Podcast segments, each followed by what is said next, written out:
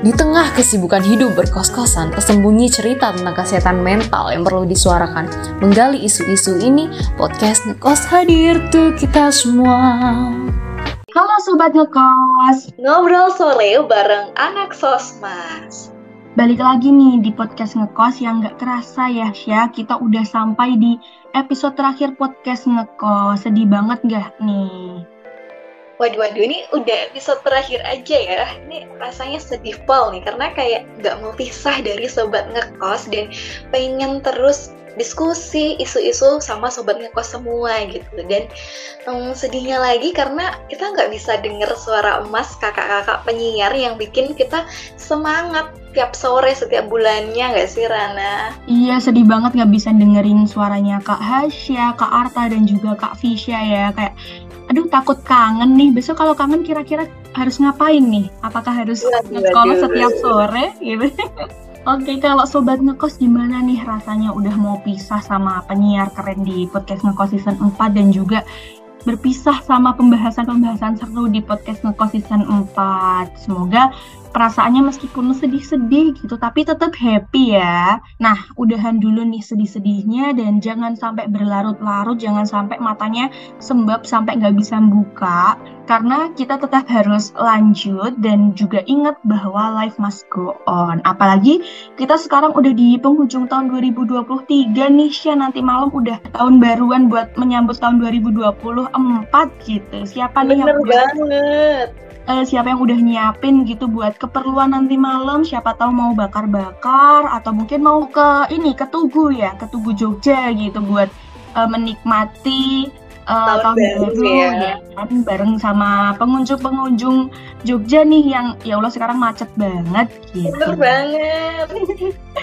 atau malah eh, udah pada nyiapin resolusi buat tahun 2024 kira-kira kalau Hasya nih udah ada resolusi belum buat tahun 2024 Waduh, kalau ditanya resolusi itu aku selalu bingung jawabnya karena ya tiap tahun pasti uh, keinginannya tuh hampir kurang lebih sama ya. Pengen yang terbaik untuk tahun ini, pengen dikasih banyak kelancaran dan intinya kekuatan untuk menjalani hari-hari yang semakin berat ya Allah kayak gitu. Dan mungkin kalau di tahun ini yang bikin beda adalah ada beberapa pencapaian yang ingin aku raih gitu ya. Mungkin lebih ngerasa uh, lebih pengen dipush keambisannya gitu untuk mencapai sesuatu. Mungkin kalau dari aku 2024 itu kali ya. Nah, kalau Rana gimana Ran? Kalau dari aku sih mungkin resolusi di tahun 2024 tuh kurang lebih sama di tahun-tahun sebelumnya. Semoga bisa bertahan sampai akhir gitu.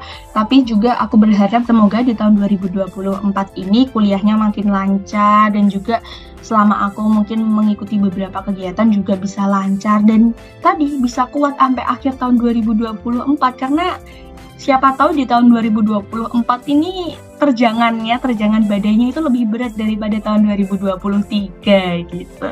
Oke, semoga semakin dikuatkan ya Rana ya. Amin. BTW BTW Baswe nih Hasya, karena kita udah di penghujung podcast nih, kayaknya di episode kali ini kita ngobrolnya santai-santai aja, nggak usah yang berat-berat. Iya bener banget tuh Ran, karena agaknya budrek ya kalau ngomongin berat tiap episode gitu Karena cukup beban gue aja nih yang berat nih Obrolan kita jangan yang berat-berat gitu Waduh, asal nggak jadi beban orang tua aja sih ya. Kayaknya masih nggak apa-apa gitu, apalagi beban kelompok. Ups, ups. Waduh, waduh, aduh Oke, ngobrol-ngobrol santai hari ini karena kita udah di penghujung tahun, enaknya kita flashback nih, kilas balik selama 2023, kita udah ngapain aja. hmm, Boleh, boleh, boleh tuh Ran, boleh banget Oke, kalau Hasya nih, selama 2023 tuh udah ngapain aja sih?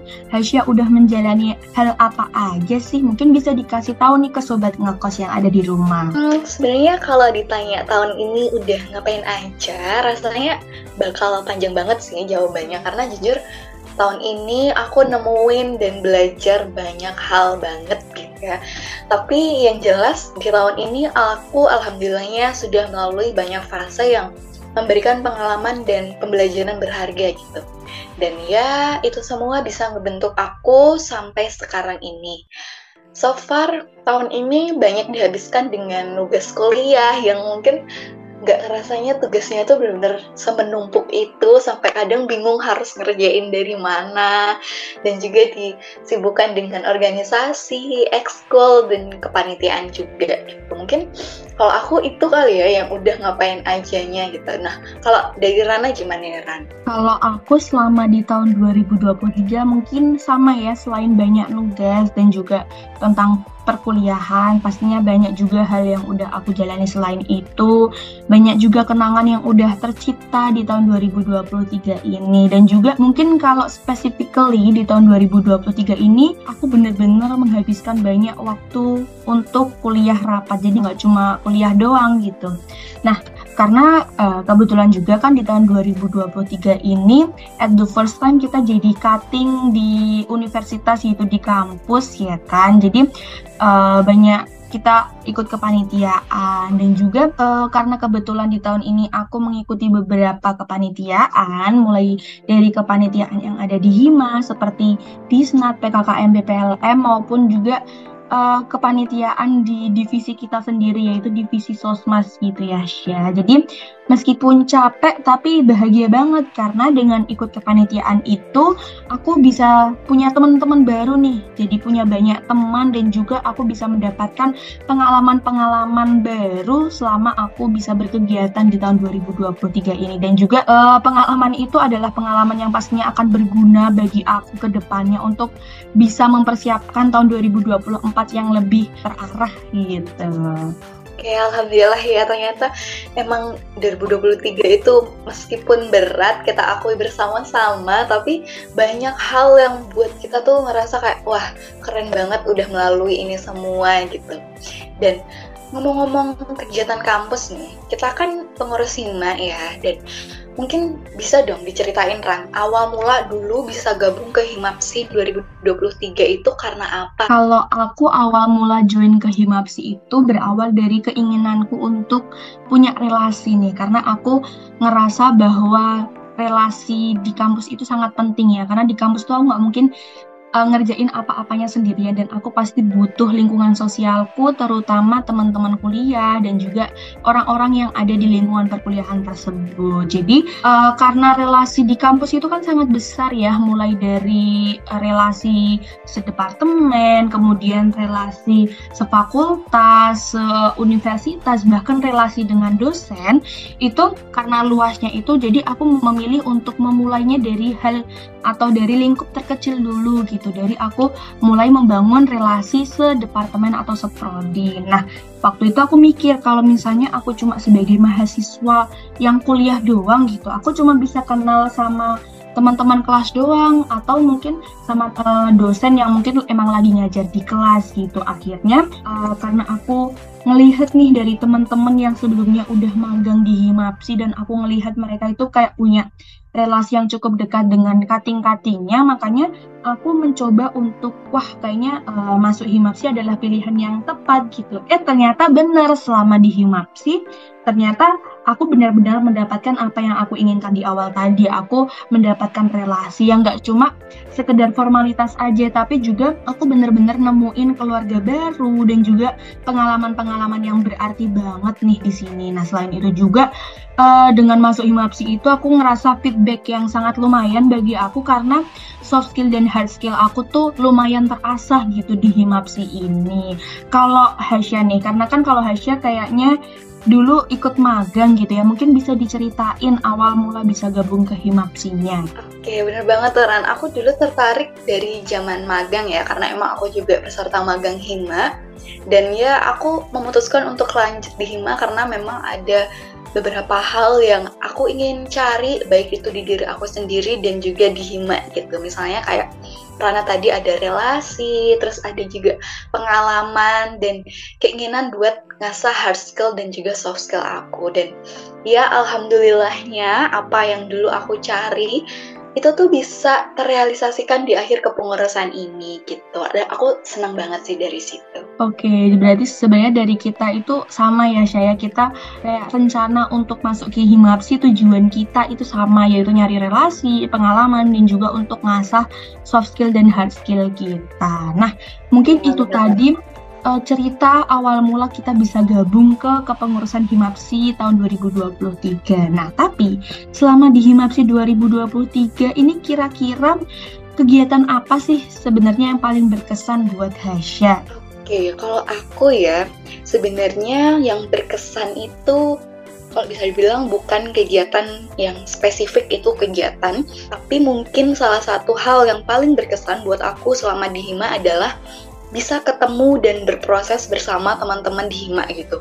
Aku ketemu sama teman-teman yang itu kan pasti beda-beda ya, baik itu dari kepribadiannya, dari cara mereka memperlakukan orang lain, dari cara mereka membagikan ilmu-ilmunya. Itu tuh menurut aku aku bisa belajar banyak hal dari situ. Jadi pengalaman yang luar biasa lah menurutku karena aku bisa dikasih kesempatan untuk belajar banyak hal dari teman-teman di Hima nah teman-teman juga bisa jadi support system yang baik buat aku dan yang gak kalah luar biasanya, aku bisa sharing gitu terkait dengan susahnya tugas kuliah sama kating-kating kita di Hima ya.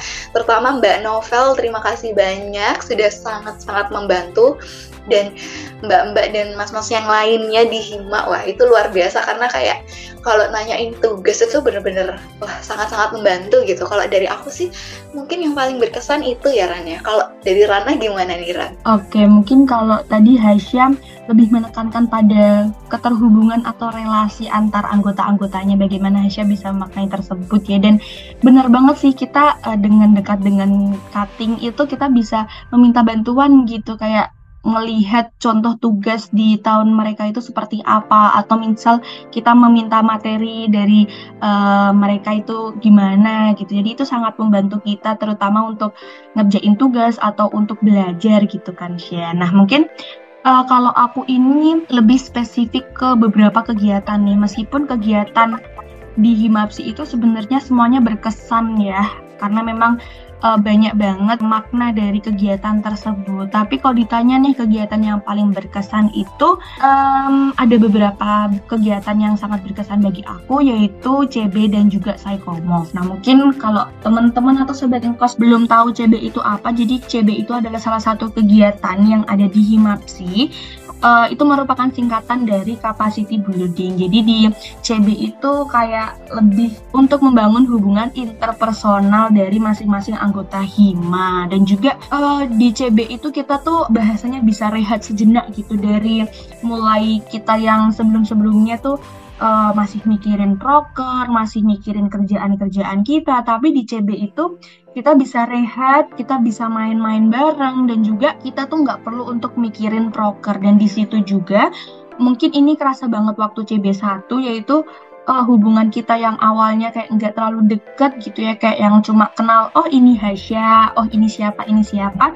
Tapi karena adanya CB kita itu bisa makin deket dan juga kita bisa membangun chemistry untuk bisa uh, ke depannya bekerja dengan lebih baik gitu ya selama di Himapsi ini. Nah kegiatan kedua yang paling berkesan buat aku itu adalah Psychomov mungkin yang paling berkesan ini bukan cuma buat aku ataupun Hasya doang ya tapi mungkin buat maba-maba tahun tahun 2023 nih. Karena pertama kalinya setelah kemarin Psychomov online tapi di tahun ini Psychomov kembali offline gitu ya. Kembali kita bisa ketemu langsung sama maba-mabanya dan juga uh, meskipun capek ya Syah kita harus akui bahwa Psychomov itu mungkin hal yang capek juga, tapi kenangannya itu sangat berharga. Apalagi meskipun capek, kita tuh uh, merasa terbayarkan ngelihat maba-maba yang pada have fun dengan kegiatan-kegiatan selama Psychomov. Itu sih yang bikin aku cukup terharu dan cukup berkesan gitu selama Psychomov.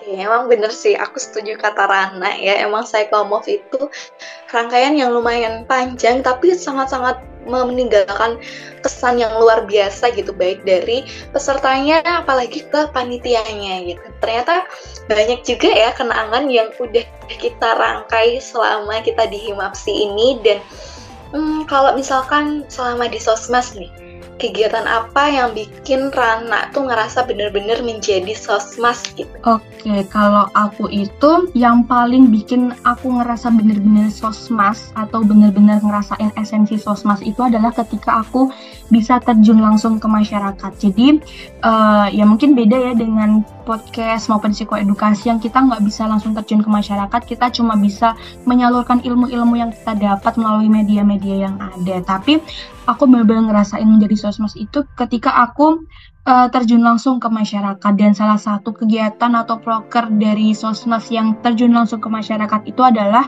psychocare. Nah, psychocare ini sebenarnya banyak banget ya Syaya, tapi hal yang berkesan dari psychocare itu yang bikin aku ngerasa esensinya sosmas banget itu adalah waktu psychocare ke panti asuhan. Dan uh, waktu ngelakuin psychocare itu aku benar-benar ngerasa yang kayak ternyata hidup kita tuh masih beruntung gitu loh dibandingkan mungkin orang-orang di sekitar kita. Dan juga waktu psychocare ke panti asuhan kita bisa buka bersama bareng adik-adik panti yang lucu. Kita tuh juga uh, bisa ngebangun vibe bahagia bareng adik-adik itu. Kita bisa saling berbagi bisa ngasih snack gitu ya buat adik-adik di panti asuhan tersebut. Dan juga selain psychocare yang di panti asuhan itu aku juga ngerasain yang sosmas banget itu waktu kita psychocare ke alun-alun kidul. Yang bikin seru itu adalah karena antusiasme dari pengunjung Alkit untuk bisa dapat ilmu dari kita. Dan juga waktu itu karena kita kan ngasih reward semacam bunga-bunga lucu gitu ya yang ada permennya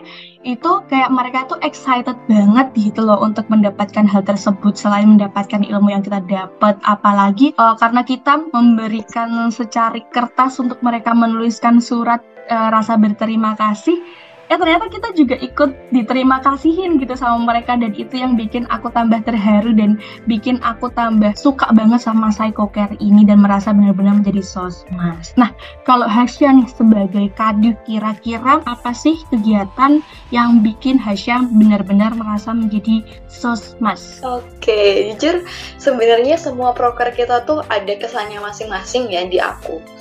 Tapi yang menurutku berkesan banget tuh waktu kita bisa terjun langsung ke masyarakat seperti yang kata Rana tadi ya. Misalnya kayak lewat sidak kemarin ya, karena tujuannya kita itu waktu itu adalah ngebantu teman-teman SMA untuk lebih aware dan tahu nih apa harapan atau mungkin cita-cita mereka nantinya gitu.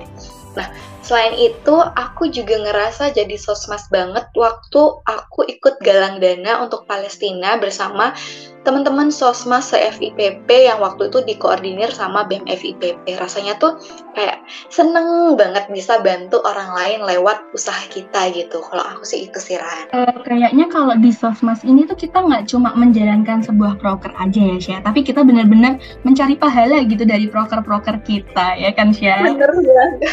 Kita jadi sering membantu orang lain dan juga bisa terjun langsung ke masyarakat itu adalah sebuah kebahagiaan gitu bagi kita. Nah, itu tadi adalah uh, cerita-cerita nih dari kita selama di Himapsi dan juga Sosmas. Nah, mungkin uh, kalau boleh tahu nih kesan dan pesan dong ya buat Himapsi dan juga Sosmas di kepengurusan tahun 2023 ini. Oke, untuk kesan yang mungkin pertama tuh happy banget kalau dari aku. Karena bisa berkembang dan berproses bareng-bareng teman-teman pengurus Himapsi 2023 sama Sobat Sosmas dan anggota Himapsi yang lainnya. Selain itu, di Sosmas aku juga belajar untuk bisa lebih memanusiakan manusia yang ada di sekitar kita dengan memberikan bantuan, menyalurkan ilmu yang kita dapat, dan pasti banyak lagi. Kalau untuk pesan ya, untuk Hipmapsi dan Sosmas, semoga ke depannya makin baik lagi dan bisa terus berprogres positif dan berdampak positif juga bagi masyarakat luas. Mungkin kalau dari aku, pesan dan pesannya itu untuk Himapsi dan Sosmas ke depannya. Nah, sebelum kita menutup obrolan kita di episode kali ini nih, kira-kira apa yang mau kamu sampaikan untuk menutup tahun 2023 sekaligus menutup podcast Ngekos season 4 ini, Ran? Waduh, nggak kerasa banget ya. Kayaknya kita udah mau di penghujung tahun 2023, nanti malam udah tahun baruan dan juga nggak kerasa juga kita udah di penghujung podcast Ngekos season 4. Mungkin sebelumnya aku untuk menutup